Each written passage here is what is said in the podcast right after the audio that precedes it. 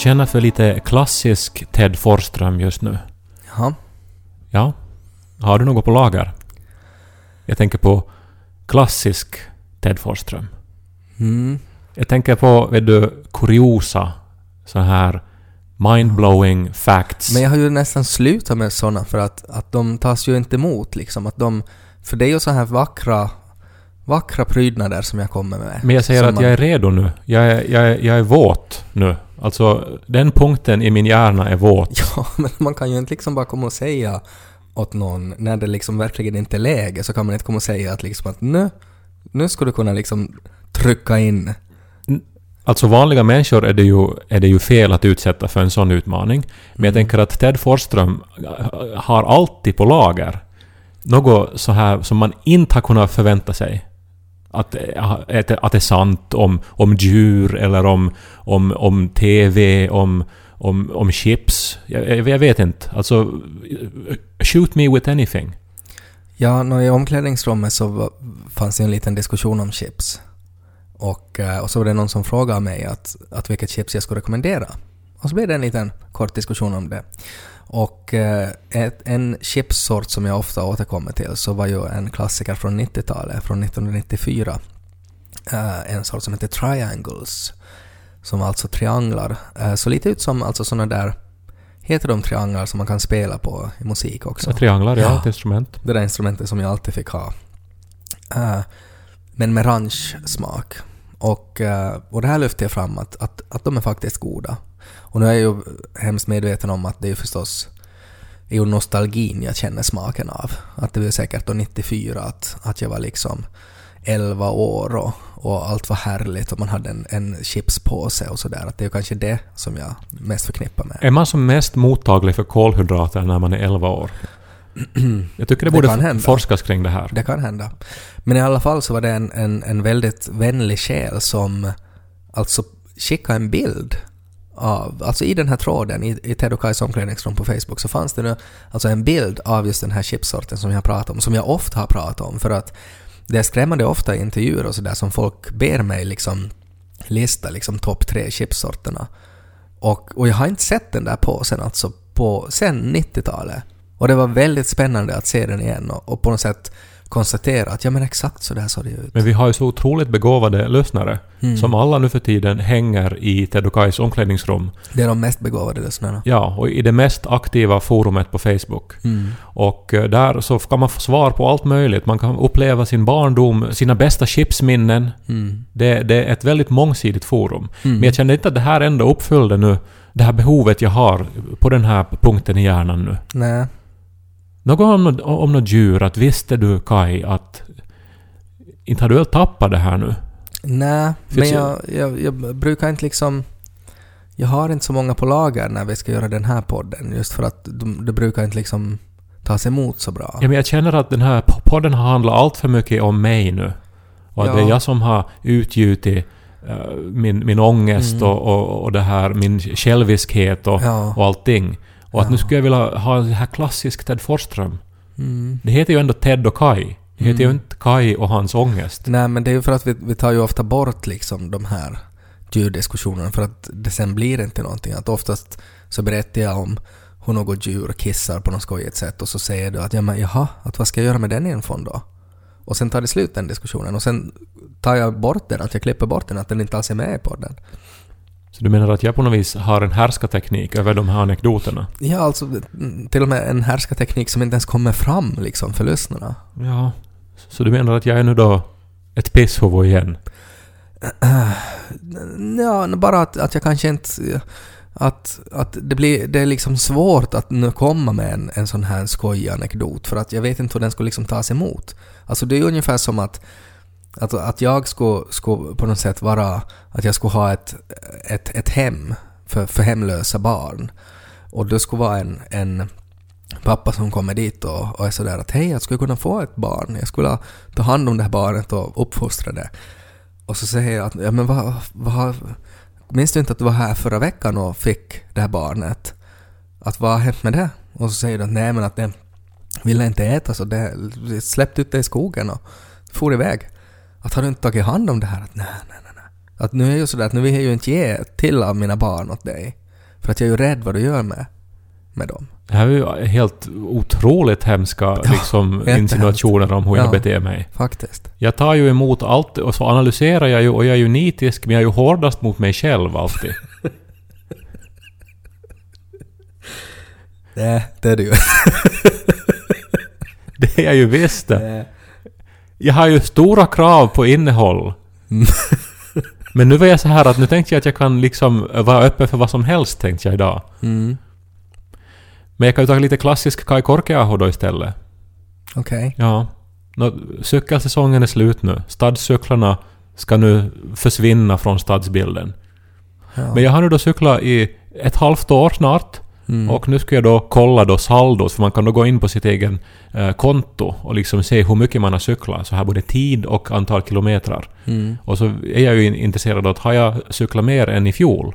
Ja. Eh, och för att jag har ju haft så här tävling då lite med Niko och, och så här och, och, och, och med mig och så här. Och eh, nu loggade jag nyss in och såg då att jag har cyklat då strax, alltså bara några kilometer under 900 kilometer i år. Mm. Och det är faktiskt då exakt nästan lika mycket som i fjol. Så att jag har nu, jag har cyklat lika mycket. Ja. Men ändå en hel del. Ja. 900 kilometer, det är som att cykla till långt upp i Lappland. Mm. I fjol då förstördes ju allting. För att eh, sen då, jag och Ni- Niko höll på och typ den näst sista cykelresan på hela säsongen. Så då åkte han från Kronohagen till Esplanaden. Och för er som inte bor i Helsingfors, det här är alltså kanske en kilometer, Mm. den här resan.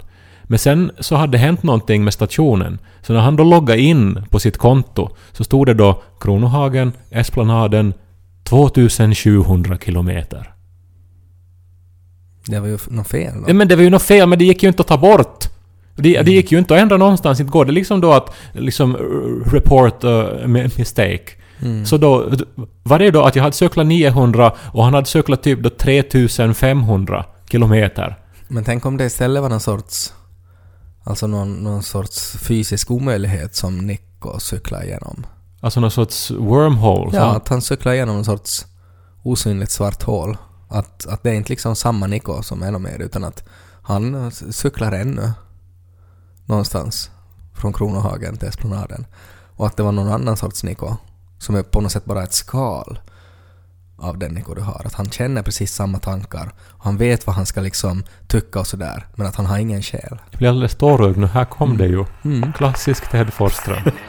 Buen pormo puut vuossar bottning Som talar sitt så popna popcorn Så börjar vi Popnu denna popcorn Så börjar vi Lys på Ted och Kai Jag funderar väldigt mycket på det här nu, att när man är sig själv och, och vad det är som... Det här liksom byggdelarna som gör en till en själv. Det, det finns ju det här uh, skeppet av Tiresias eh, filosofiska konundrumet. Ja, det här känner jag inte till. Är konundrum ett ord på svenska? Är det såna här Ted Forsström trivia grejer? Är det kono- Nej, Nej, det, ett konundrum är sådär att, att liksom att Lo gråter om jag tar tutten av honom, men han gråter också om han har tutten. Och hur löser man det? Konundrumet. Att det är så, det är sån här olöslig gåta. som en gordisk knut kan vi säga. Nej, för att det kan man ju liksom väl lösa genom att slå ett svärd på. Ja. Men det, det kan man inte göra med ett konundrum. Men nog det här som du nämnde just går att lösa med våld nog också. Det var faktiskt väldigt våldsamt idag för att Lo blev så arg eh, när hans mamma får på jobb och att han inte hann krama henne tillräckligt länge för att, att hon måste skynda sig. Så han blev så arg så att han slängde sin tutt i golvet så att den sprack och gick sönder. Oj, oj, oj. Och det var ju det värsta som kunde hända.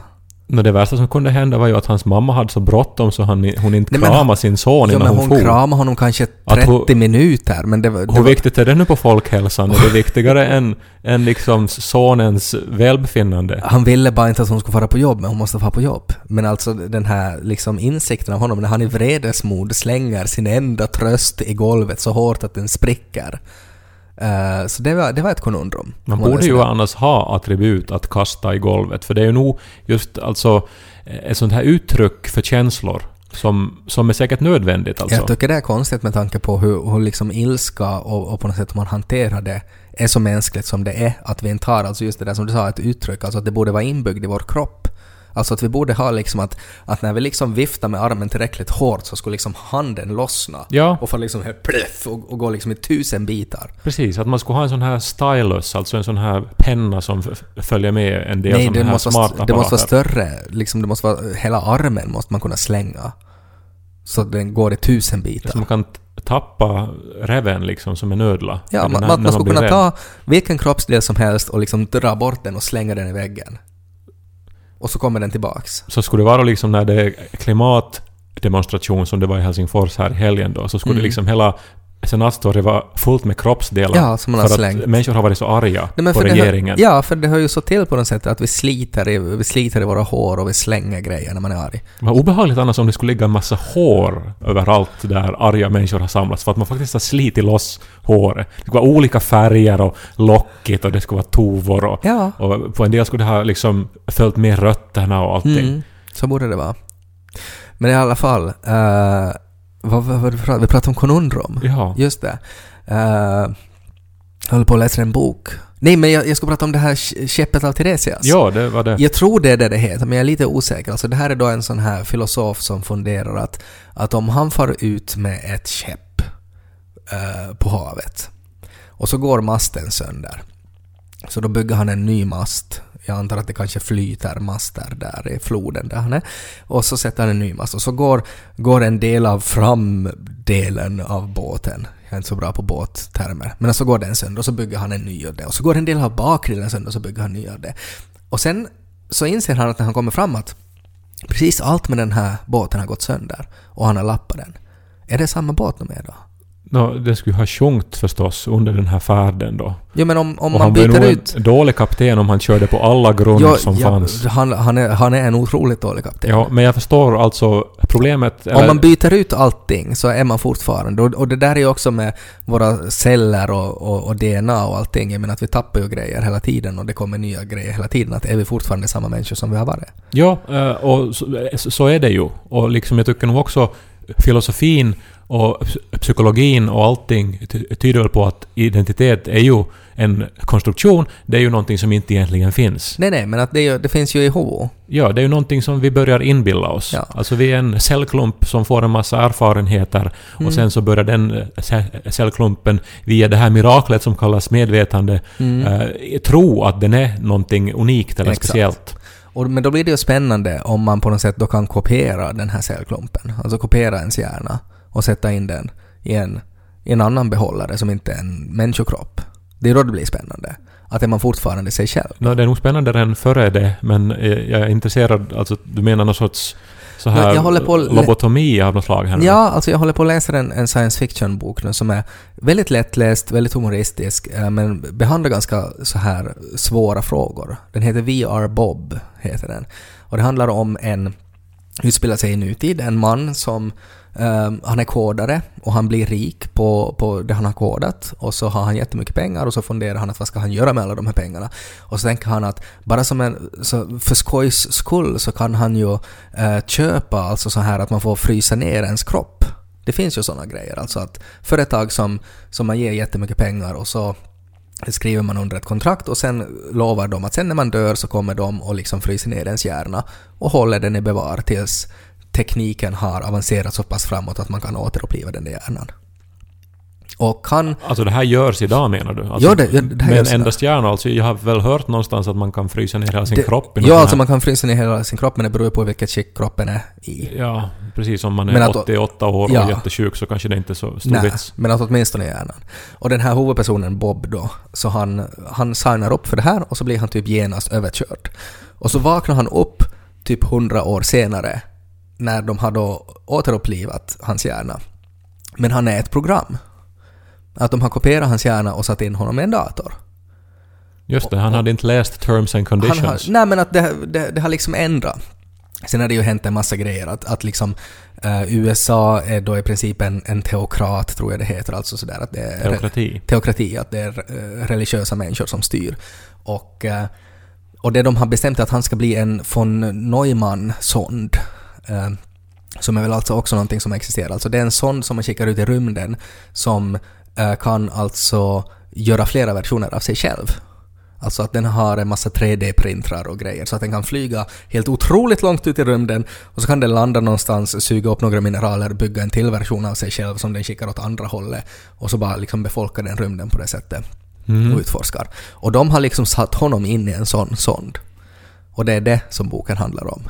Att han är en sond. Okej. Och det här är jätteintressant. Och sen börjar han bygga flera sonder av sig själv och i princip liksom klonar sig själv. Och alla de här klonerna som väcks upp så i, i något skede i boken så byter det kapitel och man läser liksom hans tankar och allting och så inser man att ja men det här är ju inte han, det här är ju en klon som tänker det här. Och att klonen också inser det själv som man inser det. Att han är inte honom, han är en klon av honom. Och vad är då skillnaden egentligen då? Är det, det Ja, sådana här eh, exakt. frågor då som boken Att- problematiserar? För att exakt. jag försöker förstå nu att vad är det man ska identifiera sig med här? Nej men alltså just, just det här att, att, att var går gränsen mellan en person och sådär, att var, vad är skillnaden? Och är det bara erfarenheter och minnen som på något sätt gör att man är skillnad om allt annat är exakt likadant? Ja. Nå alltså... Kvantfältsteorin säger ju att vi alla ju är samma, samma fält, att vi allihopa är en. roll egentligen. Så att det här att du är en annan människa än mig så är ju också en, en illusion på det sättet. Någonting som vi har bara fått för oss. Var det det här som vi pratade om en gång och konstaterade att, att det är liksom att det finns inget sex, bara onani? det, det finns bara en enda, alltså ett enda universum. Vi är allihopa ett. Alla eh, atomer och all energi, vi är bara ett egentligen. Mm. Och eh, sen allt annat är bara saker vi har inbillat oss. Mm. För, att, för att vi vill ju vara speciella Ja. individer. Ja. Ja. Ja, men väldigt intressant med identitetsfrågor. Mm. Jag, jag tror ju att det är en myt. Och jag brukar trösta mig med när jag får eh, dödsångest att ja men vadå, inte existerar jag ju ändå på riktigt inte. Alltså jag är ju, jag är ju en, liksom en tillfällig anhopning av ett visst antal celler i en Du, viss du är kombination. fläsk och ström som tror att de är en författare. Ja, men det- det är en trösterik tanke ändå. Det vill jag ha sådär. När det står sådär om författaren i en bok. Ted Forsström består av fläsk och ström. Och har under 35 års tid fått för sig att han är författare. Han har till och med fläskat och strömmat så mycket att han har skapat mera fläsk och ström utgående från sig själv. Som, som han kallar till Lo. Men läs den här boken, We Are Bob. We are Bob. Ja, Det låter som Twin Peaks. lite här. som Terry Pratchett men i rymden ska jag beskriva det. Ja, okej. Och ni som vill läsa en vuxenbok så kan jag rekommendera Lena Anderssons nya Sveas son. Jag tycker det är jättesvårt just i de stunder där man tvingas pinpointa sin identitet, sin uh, åsikt om saker och ting. Det här har vi pratat om många gånger tidigare i podden. Eh, nu kommer det igen att, eh, att aktualiseras för vi ska vara på Helsingfors bokmässa i helgen. Ni kan komma och säga hej till oss. Vi kommer att vara till exempel på torsdag 10.30 och 12.30 så ska vi vara med i olika poddar. Mm, och på söndag är vi där också. Ja, och på fredag är vi också där. Vi, om ni rör er på mässområdet så rör vi oss förmodligen kring scenerna Fiskehamnen och Blåbärslandet som är de här nya finlandssvenska eh, arenorna. Mm. Och eh, där så ska vi säkert intervjuas då. Ja, och, Och- så blir det jobbigt för dig när de frågar vad du tycker om någonting. Ja, för då måste jag ju då i ett svar eh, be- bestämma mig.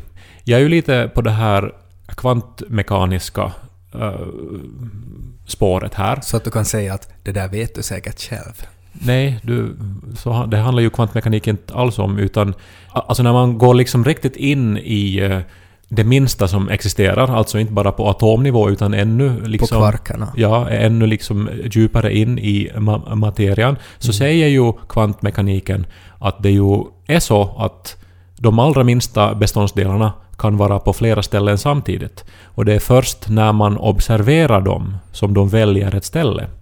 Och det här låter ju som, eh, som något som du skulle ha kunnat läsa i någon av dina uh, det här ungdomsböcker som du läser. Eh, Jag men- borde ha någon sorts, alltså en liten klocka jag skulle kunna så här plinga i alltid när du säger fördomar mot science fiction eller fantasy. Just mot de här ungdomsböckerna som du Ja. läser. Jag skulle, den skulle ha gått sönder för länge sedan. Men det här är alltså vetenskaplig sanning. Och det här vet ju allihopa som har studerat... att, det, att det finns först när man tittar på det. Ja, alltså först då bestämmer sig Det är som motsatsen till spöken, kan man ju säga. Eh, för För de, spöken slutar ju finnas när man ser dem. nej, spöken finns inte alls. Ja, fast om någonting är och spökar och det har en massa ljud, de smäller i, liksom garderober, så sen när man går dit så ser man ju inte dem. Så jag tycker att forskarna skulle istället kunna säga att de här mindre än kvarkarna som syns först när man ser dem, att det är faktiskt som motsatsen till spöken. Då skulle alla förstå. Ja, jag tyckte det blev bara mer och mer komplicerat. Men kvantmekaniken i sig är ju redan så pass abstrakt och komplicerad. Så att eh, vi behövde inte alls det där som en... Det är snart halloween. Det är snart halloween. Eh, men hur som helst, jag är lite grann som en sån här uh, subatomisk partikel då. Att jag, att jag har åsikter all over the place. Och sen är jag väldigt du, obekväm Du då får när en någon, åsikt först när någon ställer frågan åt dig. ja, när någon observerar mig. Ja. Ja. Men det här tycker jag också är det enda vettiga Nej, men det är inställningen det, till det är ju det livet. dummaste det där, att du inte har någon inställning förrän det aktualiseras. På något sätt att du vet inte om du tycker, om du ogillar nazismen före, före du ska liksom slängas in i ett koncentrationsläger. Nå, nu var ju det där Hitlerkortet i Ja. förklädd form. Ja men det är ju det enda kortet jag kan dra med dig som du reagerar på. Visst finns det ju vissa saker, till exempel nazismen, som jag ju klart tar avstånd från. Ja, jag var ute och gick på stan med Niko i lördags Mm. och vi passerade Nordiska motståndsrörelsen och vi tänkte att är inte de förbjudna? Ja men de har väl alltså någon sån här tidsfrist, alltså att, att de är väl inte riktigt förbjudna ännu men att snart. Och jag tänker att då som nazist borde man liksom ta ut alla nazistsvängar man har då. Borde man göra liksom Hitlerhälsning med båda händerna. Man är liksom SSS. Man ritar hakkors som är liksom dubbelhakkors och sådär. Ja, liksom att man är på sista versen Ja. så nu ska man ta i från tårna. Nu har man inte Hitlermustasch, nu är det liksom Hitler helskägg. Liksom, att man faktiskt ska se att man är nazist. Ja, tydligen så är det då så att det här domslutet från Åbo hovrätt om att förbjuda Nordiska motståndsrörelsen har ännu inte trätt i laga kraft. Nej. Den får ännu överklagas. Ja, ja. Så, Så att, där, därför kan de liksom ta ut det nazista helt enkelt.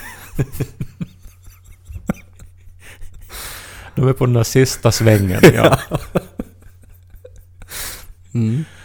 Hur kom vi in på dem då? Men Eh, det, det något om du då. drog Hitlerkorten när jag försökte säga att det är svårt att ha åsikter. Nej, men ja, men men vissa för saker det- givetvis har jag ju klara åsikter om, som Ja. nazismen. Ja. Men om man har osäkra åsikter så då måste man bara säga det att ja, jag vet inte riktigt, jag har aldrig riktigt tänkt på det där, men kanske det skulle kunna vara så här och så här. Eller så inte alls. ja, Och så är det- de nöjda med Men det det blir bara otroligt frustrerande intervjuer och intervjuarna hatade, publiken hatade, eh, de som skriver eventuellt det om ju, om de också... intervjun hatade. Ja, men de kommer väl att ställa frågor om dig och dina verk och sådär, och de måste ju nog veta vad du tycker om det väl?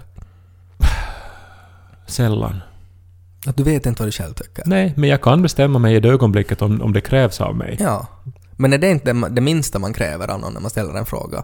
Att man vet vad man svarar? Ja, men helst tycker jag man ska inte ställa frågor alls. Man ska bara läsa böckerna. Så vi kan inleda när vi har så här att vi ska uppträda på Bokmässan tillsammans och bli intervjuade tillsammans. Så, så, så här, just när de ska börja så kan vi säga att äh, stopp, stopp, stopp, stopp, stopp nu, Äh, vä- vänta, vänta. Helst så skulle det vara bäst om ni inte ställer några frågor.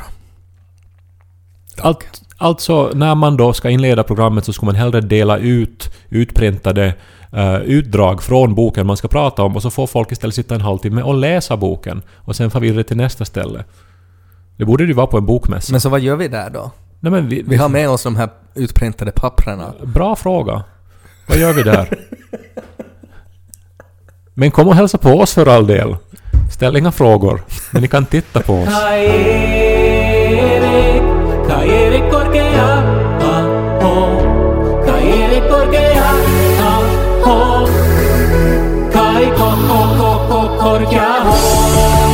Det råkar vara tio år sedan jag blev medlem i Facebook, också du. Ja. Och Facebook har ju den här funktionen att det påminner en om vad som hände just den här dagen för ett antal år sedan. Och nu har det ju varit då en massa händelser just för tio år sedan. Mm. Och det, alltså det är någonting när det är tio som känns som att det är riktigt länge. No, det, det är en sån här längd som är hanterbar. Att det är faktiskt...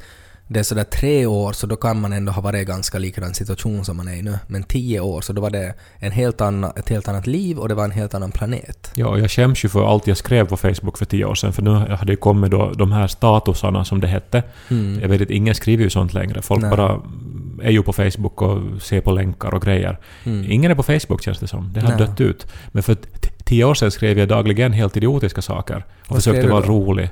Ja. Gabba gabba hej hej hade jag skrivit igår. Varför det? För jag tyckte det var roligt. Det är från Ramones låt. Uh, jag tänkte att då visade det att jag lyssnar på Ramones, så Ja. är det häftigt då. Nu hade, nå har du fått några likes eller kommentarer? på Men man kunde inte lika på den tiden, man kunde bara kommentera, inga kommentarer heller. Just det. Men det var alltså tio år sedan nu då, sen jag var på Helsingfors bokmässa eh, för första gången. Och det slutade bra. Mhm. Jag träffade mannen som skulle bli min första riktiga pojkvän Oj då. på bokmässan. Var det ett sammanträffande? I stort sett. Vi visste nog att vi båda skulle vara där. Eh, Så här, vi hade skrivit något meddelande på någon... Så det var en träff? Ja, men det var inte väl riktigt så här helt säkert då att skulle vi träffas. Men utan, ingenting är ju säkert. utan vi båda vi visste att vi skulle på bokmässan. Vi hade kanske inte vågat uttala då Ni att visste inte om ni skulle träffas förrän du såg honom och så fanns han. vi... Eh, Ganska bra sagt. För att Mm. det var lite så här att efter att jag hade sett honom så fanns det inga alternativ längre. Nej, just det. Så då får vi på kaffe. Höll han en pistol mot dig och var sådär att nu har du inget alternativ. Nu kommer du hem med mig. Nej, det var nog bara att jag på något vis fastnade för någonting i honom. Ja, just det. Som sen gjorde att vi for eh, hem till honom och sen så... Ett halvt år senare flyttade vi ihop och, och så var vi tillsammans i några år innan det sen tog slut. Mm. Men det är som på något vis att man börjar som se nu med tio års eh, perspektiv. Så det här, vet du... Att det där var som en avskild del av livet som var jätteviktig och stor och hade många olika eh, som riktigt grundläggande effekter på en. Mm. Men som idag är absolut inte relevant längre. Att det där var liksom en del av livet som kom och gick och som ett tag var allting men sen blev det ingenting. Det där är ju 99% av livet. Men det är ju fruktansvärt om det är så Den egentligen. där ena procenten är väl när man har sex utan skydd i princip. Att du menar det är bara det som, som är på riktigt i livet? Nej, nej, inte det som är på riktigt utan det som faktiskt har konsekvenser, allvarliga konsekvenser för resten av ditt liv. Nej, men nu kan du ju också liksom ta en pistol och gå ut och avfyra den randomly ute på gatan. Nu kommer det att ha konsekvenser också. Det är bara om de får fast en. Okej, så du menar att barn nu då, du som har blivit förälder nu då, så Mm. när du nu då ser tillbaks på allt som har hänt eh, i ditt uh, Facebook-flöde nu då, för Nej, tio år sedan, så det. Mm. enda som du ser att ha eh, liksom haft Nej, någon men vi betydelse... pratar väl om eh, i princip relationen. Om jag tänker sådär att, att eh, om, om 40 år, om jag ännu lever då, när det har gått liksom fyra gånger 10 år, om mitt förhållande med Janika skulle ha tagit slut, så skulle det ju inte antagligen påverka mig så jättemycket ännu om 40 år. Men eftersom jag fortfarande är tillsammans med henne och dessutom fick barn med henne, så han kommer ju att finnas ännu om 40 år. Och oberoende vad som händer då så har ju det betydelse. Ja, men i något skede struntar man väl nog i sina barn. och Annars så, så, så är man ju liksom låst för resten av livet. Nej, jag tror inte De måste ju få hå- hålla på med sitt och man måste ju gå vidare med sitt. Ja, men man kan nog inte riktigt strunta i dem inte. Nej, men nu är det ju lite också människor som inte har så mycket innehåll i sitt liv, som lägger allting i barnen. Ja. Och sen liksom då, ännu när barnen är 30 år, så är de att det är barnen som man hela tiden tänker på, som man hela tiden vill, vill nå och vill Mm. prata med och vill att ska uppnå saker och Jag tror ting. det är jättemånga föräldrar som, som eh, blir riktigt arga på dig när du säger sådana saker. Nej men eh, nu är det väl inte kan man ju leva sitt liv genom Ja, men sina det betyder barn. väl inte att man lever sitt liv, men att det har en point, att det I- påverkar klart dig. att det har en point och klart Ja. att när barnet är litet Nej, så men det var- måste man ju ge det 100% men av det har sig ju också själv. en point när det är äldre, det där barnet. Ja men sen måste man ju gå tillbaks till att göra andra grejer. Inte kan man ju snöa in sig på det här Nej, ena men man alltid, barnet. Men man har ju alltid det där barnet, fastän man gör andra saker. Fastän man går ut och skjuter folk och hamnar i fängelse, så har man ju ändå där barnet. Ja men nu har jag ju också alltid min gitarr men det betyder ju det att det enda jag gör är att putsa gitarren från morgon till kväll. Nej. Att ibland tar jag fram den och spelar på den och sen går jag vidare och gör andra grejer. Ja, men min point var ju att barn inte är som en gitarr. Ja, nå... Det säger ju säkert nu när barnet är för, och måste vara allting. Jo, men det vet jag ju nog redan, att nu kommer jag ju alltid att bry mig om honom. Och alltid Ja men bry, nu kommer jag alltid bry mig om min gitarr. Kommer jag alltid vara glad att den är där och den Ja, kommer att vara värdefull och inte kommer jag att sälja den. Men inte tänker du väl på din gitarr varje dag? Nej. Nej? Men det kommer jag... Då när jag just hade fått den så då tänkte jag Ja. på den varje sekund. Jo, men det vet men jag. efter liksom 20 år så Ja. är det ju så att ja, jag har en gitarr tänker jag ibland och så är jag glad. Mm. Och ibland så ser jag Men bilder det på den. tror jag att jag kan säga. Att jag tror inte att det finns någon som har barn som kan säga att det har gått en dag utan att de har tänkt på det där barnet i något skede. Nå, säkert sen när barnet är 30-40. Jag tror inte. Jag vet inte. Men, men jag, det är ju jag tror hemskt inte. om det är så. Nej men det Då behöver ju måste man skaffa mera innehåll i sitt liv. Ja, Men om det är någonting trevligt att tänka på sitt barn, då är det ju inte hemskt. Nej men då har man nog en snäv uppfattning om trevligt. Det finns ju nog jättemycket trevligt i livet. Så pass mycket att, att man inte kan snöa in sig på något enskild sak som är trevligt. Så du tycker det är fel att man tänker på sitt barn? Nej, nu som sagt, det här handlar om eh, ett längre Jo, men jag perspektiv. sa ju att jag inte vet, men att av min erfarenhet nu så tror jag så. Att jag tror inte att det kommer att gå en dag som jag inte i något skede tänker på Lo. Fast om, ännu om 40 år. Men ty- tycker ändå att det är lite... Alltså du kan ju tänka ju att, att nu sända en tanke. Ah, ja, jag har ju ett barn och det var ju kiva. Ja, men det var det jag menade. Men inte så här att ah, det här är nog ändå det som gör att mitt liv känns värt det. det vet jag inte. Eller men det här men ger jag mitt har liv aldrig mest sagt det, jag har innehåll. bara pratat om att man alltid tänker varje dag i något skede. Ja, men jag tror att det är många föräldrar sen när barnen är utflyttade. Mm. Så är man där då.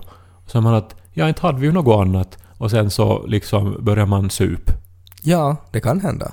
Och då måste man ju se till att skaffa annat. Ja, ja. Men jag har väl inte sagt att man inte får skaffa annat. Tveksam, jag vet inte. Vad du...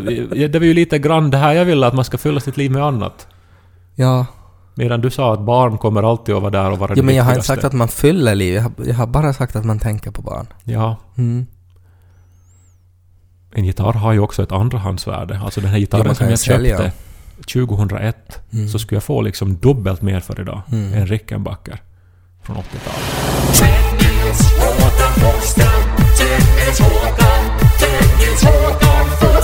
Nu vet jag vad som är klassisk Ted Forsström. Fast jag tror det här avsnittet har varit ganska fullt av, av klassisk Ted Forsström ändå. Mhm. Det som jag var ute efter. Ja, jag är ännu inte helt säker på vad det var du var ute Nej men du pratade om science fiction som du Ja. läste och sen så Och du, kom du med politiskt korrekta åsikter till- om barn. ja, och du kallar uh, skiffy-litteratur till uh, barnböcker, tror jag. Eh, Men det var ju inte klassiskt Ted Forsström. Eh, Det Nej, var, det var klassiska korkar. det, det vet vi inte. Kanske det är så att Kai Korkeaho i det ögonblick som han möter klassisk Ted Forsström tvingas ta en ståndpunkt bland många, som en subatomisk partikel. Det kan hända. Men jag skulle säga att det som finns här intill oss nu är klassiskt Ted Forsström. Vad är det? Eh, Det ser ut som någonting från CERN-laboratoriet. Det är min dammsugare. Och så har det, det...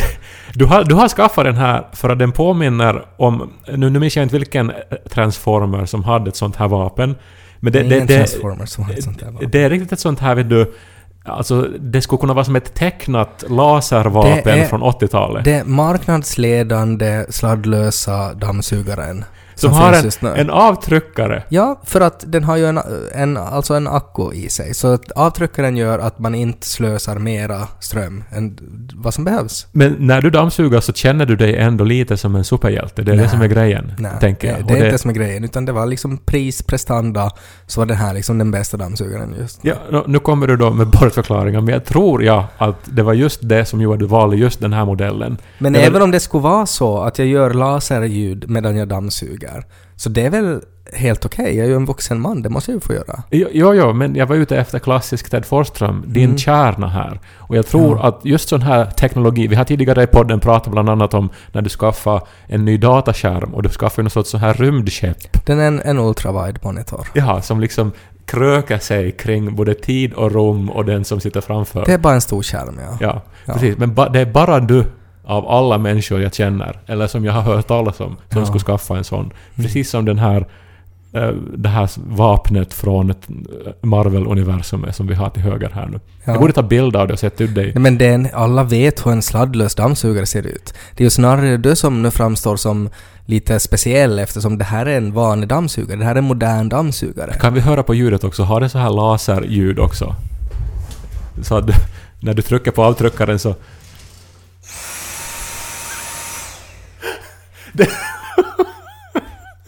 Men det är en vanlig dammsugare.